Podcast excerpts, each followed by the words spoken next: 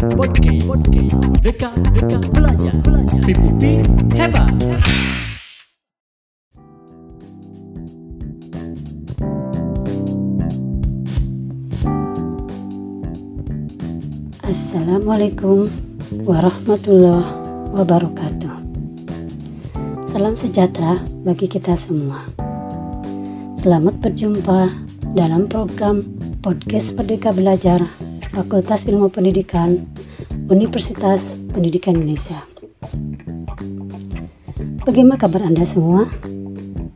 Semoga dalam keadaan sehat walafiat dan ada dalam lindungan Allah Subhanahu wa taala.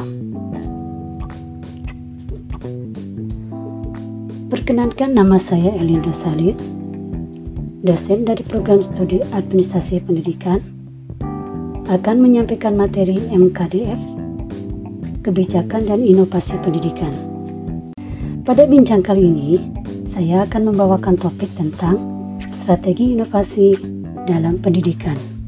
Adapun rencana capaian pembelajaran yang ingin dicapai dengan tersampaikannya materi ini adalah para mahasiswa dapat memahami secara cepat dan benar, memilih dan menerapkan strategi inovasi dalam pendidikan. Baiklah para mahasiswaku sekalian, selamat menyimak siaran berikut ini. Inovasi merupakan bagian dari sifat alami manusia yang selalu menginginkan keadaan yang lebih baik dibandingkan keadaan sebelumnya. Namun, sebuah kenyataan membuktikan betapa sukarnya menyebarkan inovasi. Banyak orang telah mengetahui dan memahami sesuatu yang baru, tetapi belum mau menerima, apalagi melaksanakannya. Bahkan, kita juga sering lihat banyak pula telah menyadari bahwa sesuatu yang baru itu bermanfaat baginya, tetapi belum juga mau menerima dan mau menggunakannya atau menerapkannya. Bagaimana mempercepat diterimanya suatu inovasi oleh masyarakat? Penggunaan strategi dalam inovasi bisa menjadi alternatif untuk mempercepat tujuan inovasi tercapai. Para mahasiswaku sekalian, mengawali materi ini, kita akan mulai dengan sebuah pertanyaan dasar. Apa itu strategi inovasi dalam pendidikan? Strategi dalam hal ini adalah suatu tindakan yang dilaksanakan untuk mencapai tujuan. Para mahasiswa, kita coba meminjam penjelasan dari Newman dan Logan. Beliau mengemukakan ada empat unsur strategi dari setiap usaha, yaitu yang pertama, mengidentifikasi dan menetapkan spesifikasi dari kualifikasi hasil atau output dan sasaran yang harus dicapai dengan mempertimbangkan aspirasi dan selera masyarakat yang memerlukannya.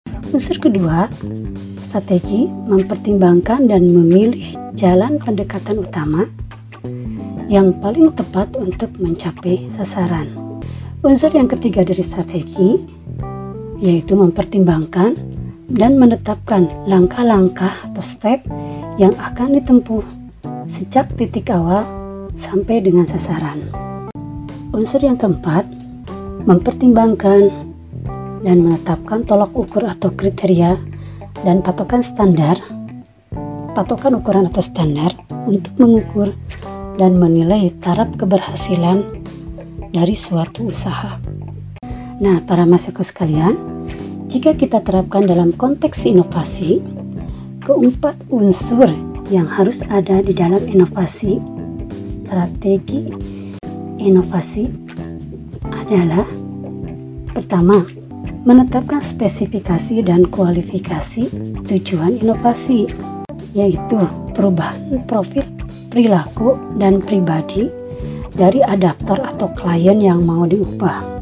Yang kedua, mempertimbangkan dan menetapkan langkah-langkah prosedur atau metode dan teknik penerapan inovasi.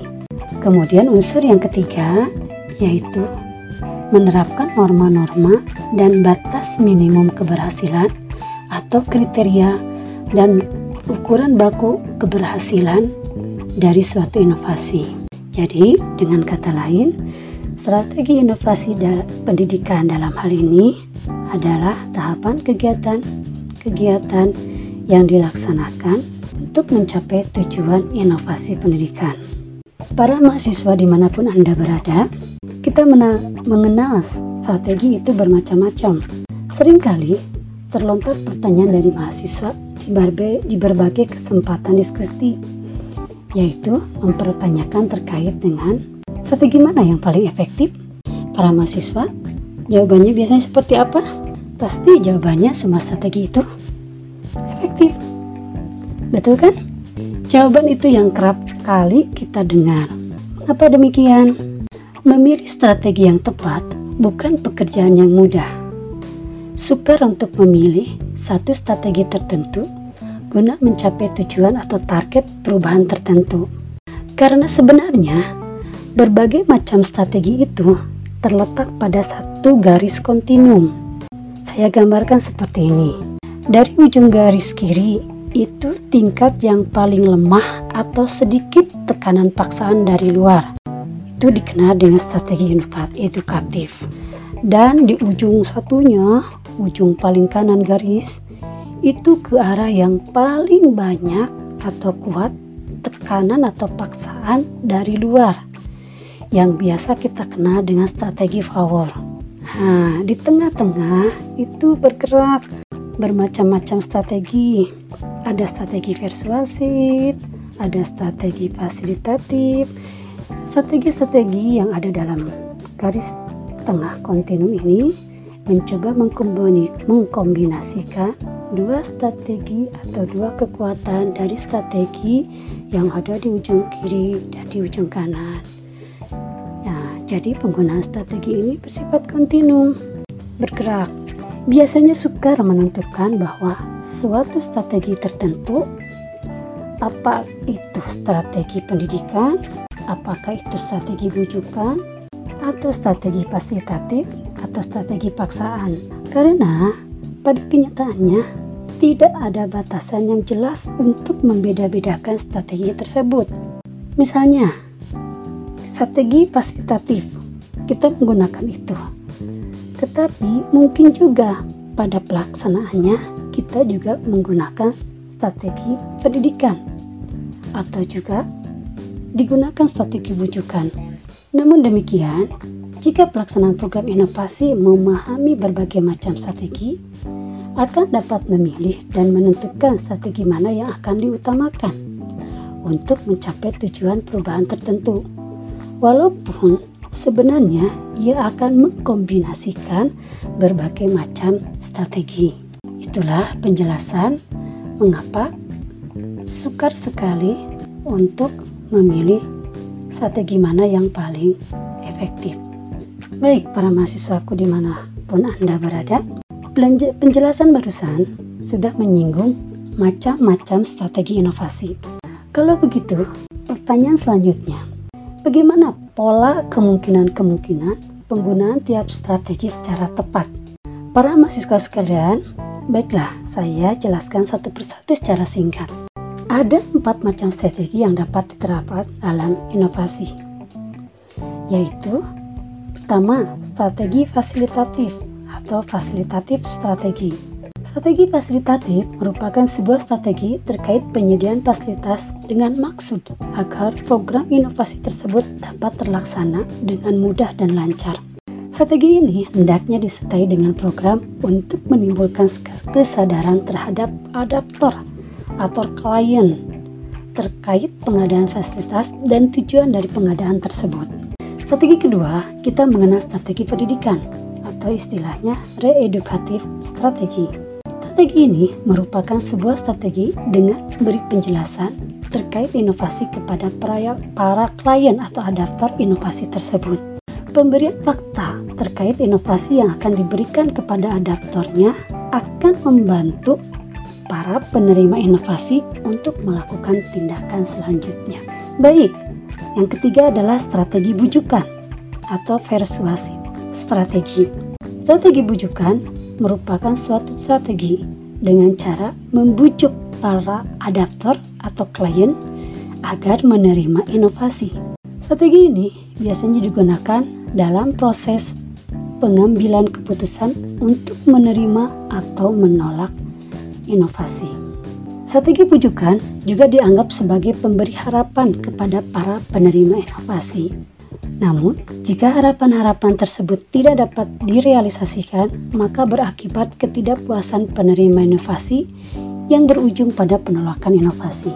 Lalu ada ya strategi yang keempat, yaitu strategi paksaan. Ini digunakan ketika penguasa atau pimpinan menghendaki seluruh komponen di bawahnya menerima inovasi yang ada. Ini artinya bahwa inovasi yang dibuat oleh atasan harus diterima oleh seluruh jajaran yang ada di bawahnya. Mari kita identifikasi kemungkinan-kemungkinan pola penggunaan dari keempat strategi tersebut agar tepat dan efektif. Pertama, strategi fasilitatif dapat digunakan dengan tepat jika sasaran inovasi atau perubahan yang disebut adapter atau klien itu ada pada kondisi mengenal masalah yang dihadapi serta menyadari perlunya mencari target perubahan atau tujuan, merasa perlu adanya perubahan atau perbaikan, bersedia menerima bantuan dari luar dirinya, memiliki kemampuan untuk berpartisipasi dalam usaha merubah atau memperbaiki dirinya. Baiklah, mari kita lihat strategi yang kedua. Strategi pendidikan akan dapat digunakan secara tepat dalam kondisi dan situasi apabila perubahan dari inovasi yang diinginkan tidak harus terjadi dalam waktu yang singkat. Kemudian, apabila adapter atau klien belum memiliki keterampilan atau pengetahuan tertentu yang diperlukan untuk melaksanakan program inovasi apabila menuntut perkiraan atau terjadi penolakan yang kuat oleh adaptor atau klien terhadap perubahan yang diharapkan. Kemudian, apabila dikendaki perubahan yang sifatnya mendasar dari pola tingkah laku yang sudah ada ke tingkah laku yang baru. Terakhir, apabila alasan atau latar belakang perlunya inovasi telah diketahui dan dimengerti atas dasar sudut pandang adaptor serta perlukan adanya kontrol dari mereka atau adaptor itu. Baik, lanjut pada penjelasan strategi yang ketiga. Strategi pujukan tepat digunakan apabila adaptor atau klien tidak berpartisipasi dalam proses perubahan, berada pada tahap evaluasi atau legitimasi dalam proses pengambilan keputusan untuk menerima atau menolak perubahan diajak untuk mengalokasikan sumber penunjang perubahan dari suatu kegiatan atau program ke kegiatan atau program yang lain. Para mahasiswa sekalian, kita lanjut pada penjelasan strategi yang terakhir, yaitu strategi paksaan tepat digunakan bila mempertimbangkan hal-hal berikut. Partisipasi adaptor terhadap proses perubahan rendah dan tidak mau meningkatkan partisipasinya. Adaptor tidak merasa perlu untuk berubah atau tidak menyadari perlunya perubahan. Adaptor tidak memiliki sarana penunjang untuk mengusahakan perubahan dan pelaksana perubahan juga tidak mampu mengadakannya. Adaptor sukar untuk mau menerima perubahan, artinya sukar dipengaruhi. Strategi paksaan tepat dipakai jika perubahan yang diharapkan dari inovasi harus terwujud, dalam waktu yang singkat. Artinya, tujuan inovasi harus segera tercapai.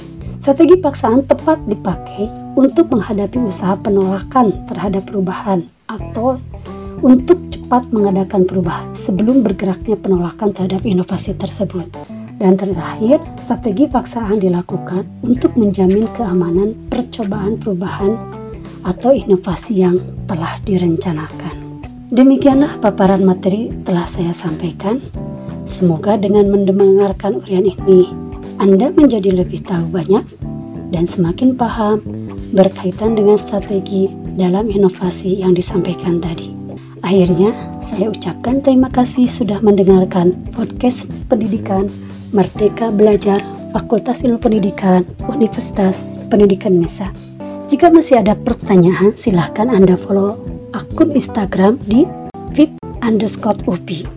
Untuk rekan-rekan mahasiswa yang ingin melihat video pembelajaran, dapat juga mengunjungi channel YouTube Fakultas Ilmu Pendidikan. Sekali lagi terima kasih atas perhatiannya. Saya Elin Rosalin undur diri. Sampai jumpa. Wassalamualaikum warahmatullahi wabarakatuh.